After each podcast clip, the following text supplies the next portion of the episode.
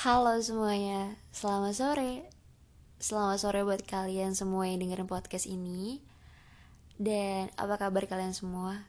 Gue harap kalian sehat-sehat Dan gue harap juga hati, jiwa, dan pikiran kalian dalam keadaan tenang Kenapa dalam keadaan tenang? Karena kalau dalam keadaan tenang berarti semuanya baik-baik aja. And ya, yeah, jumpa lagi sama gue di podcast Yes Amir Dewi. Kali ini gue mau bawain, hmm, bukan bukan, mungkin gue bakal lebih banyak cerita tentang beberapa hal yang ada di isi kepala gue. Yang saat ini jadi dominan utama di kepala gue so ya yeah, kalau kalian penasaran itu apa dan barangkali podcast kali ini relate ke kalian so ya. Yeah, selamat mendengarkan. Dan jangan lupa tag gue kalau misalnya kalian dengerin podcast gue selamat dengarkan um, Januari belum selesai sih. Masih di pertengahannya. Lucu banget ya. Hari demi hari semakin cepet aja gitu jalannya. Kayak nggak kerasa udah 2022 padahal baru kemarin 2021 dan segala cerita kenangannya. Dan hari ini gue record ini sebenarnya ada banyak banget draft podcast yang mau gue upload yang gue jadwalkan. Cuman uh, eh, gue berniat buat satu lagi sekarang karena gue rasa ini relate sih untuk kebanyakan orang. So karena gue lagi ngerasain ini juga so kenapa gue nggak buat podcastnya? Barangkali orang-orang di luar sana yang denger ngerasain yang gue rasain dan perasaan mereka tersalurkan lewat podcast ini. Gue harapnya sih gitu. So apa sih yang mau gue omongin?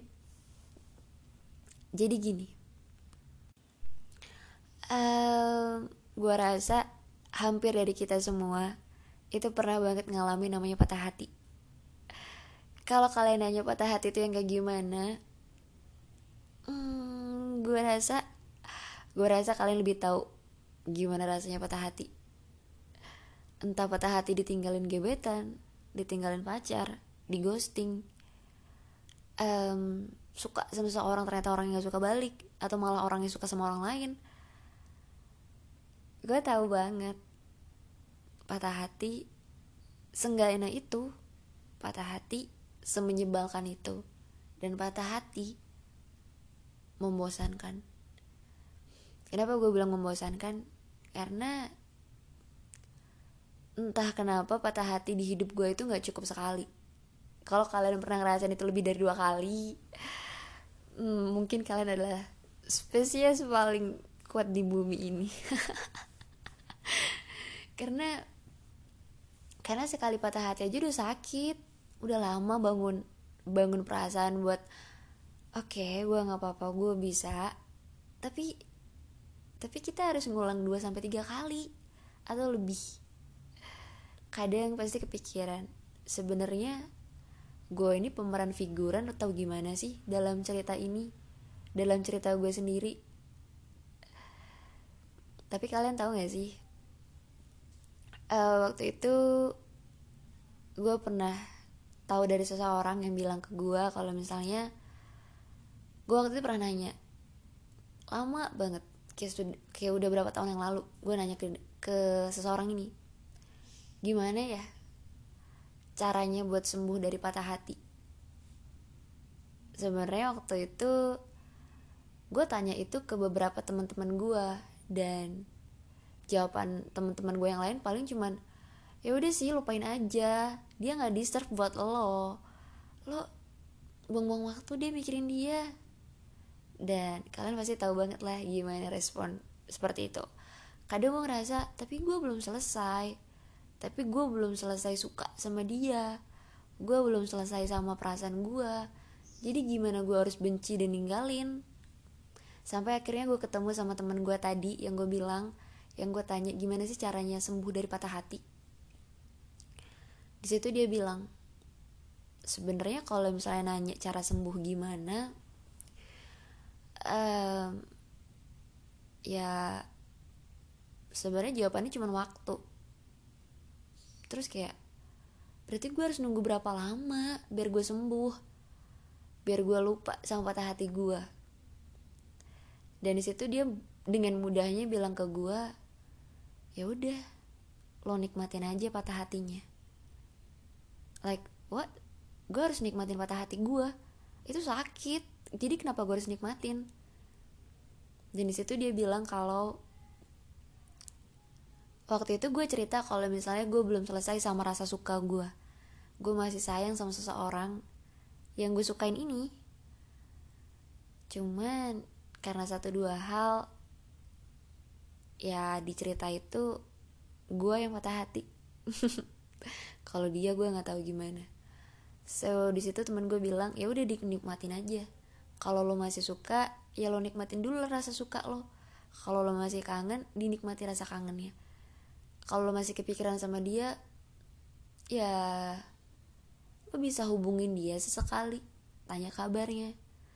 Dan masih banyak lagi. Jadi jangan sampai perasaan itu dijadiin racun karena kalau kita udah bosan sama perasaan suka kita gue yakin perasaan suka itu juga bakal hilang. Jadi berganti ke perasaan yang gak ada apa-apa. Atau mungkin kata dia kalau nanti kita udah bosan sama rasa suka kita kita bakal kebuka kok matanya. Kalau misalnya ada seseorang lain atau orang-orang lain yang ada buat kita selain orang yang buat kita patah hati. Atau kita bakal ketemu orang baru yang buat kita lebih bahagia. Jadi sebenarnya patah hati itu boleh gak sih? Kalau menurut gue boleh. Itu manusiawi kok. Kalau misalnya setelah patah hati lo masih kangen sama dia ya nggak apa-apa. Nggak salah kok. Kan perasaan. Um, mungkin cuman gimana caranya kita mengatasi kangennya doang sih. Ya jangan sampai kita terlalu ganggu seseorang itu kalau misalnya mereka memang ternyata udah punya hubungan sama orang lain atau anything else. Tapi kadang kalau dipikir-pikir kita suka lupa. Kalau kita lagi patah hati kita selalu bilang kenapa sih dunia ini gak adil? Kenapa semesta jahat banget? Sebenarnya kita dari awal udah tahu kalau kita lagi jatuh cinta kita suka sama seseorang kita jalan hubungan sama seseorang itu nggak akan selalu ceritanya happy ending. Bahkan di awal cerita kita juga paling tahu kalau misalnya nanti bakal ada patah hati sakit jatuh kecewa. Dan sebenarnya ini yang mau gue bilang ke diri gue sendiri. Kalau misalnya patah hati nggak apa-apa kok nanti juga sembuh sendiri dinikmatin aja dulu barangkali kalau udah bosen ya hikmahnya kita lupa sama patah hati kita dan semoga digantikan dengan seseorang yang baru. So ya, yeah. semoga buat kalian yang lagi patah hati, semoga lekas sembuh. Kalian boleh kok patah hati. Kalian boleh juga kok sedih. Atau kalian mau inget memori yang kemarin juga boleh kok. Gak ada yang salah. Karena bahkan sebelum patah hati kita pernah senyum sebahagia itu kan karena dia. So ya, yeah. terima kasih udah dengerin podcast ini. Sampai jumpa lagi di podcast selanjutnya dan see you. Bye bye guys.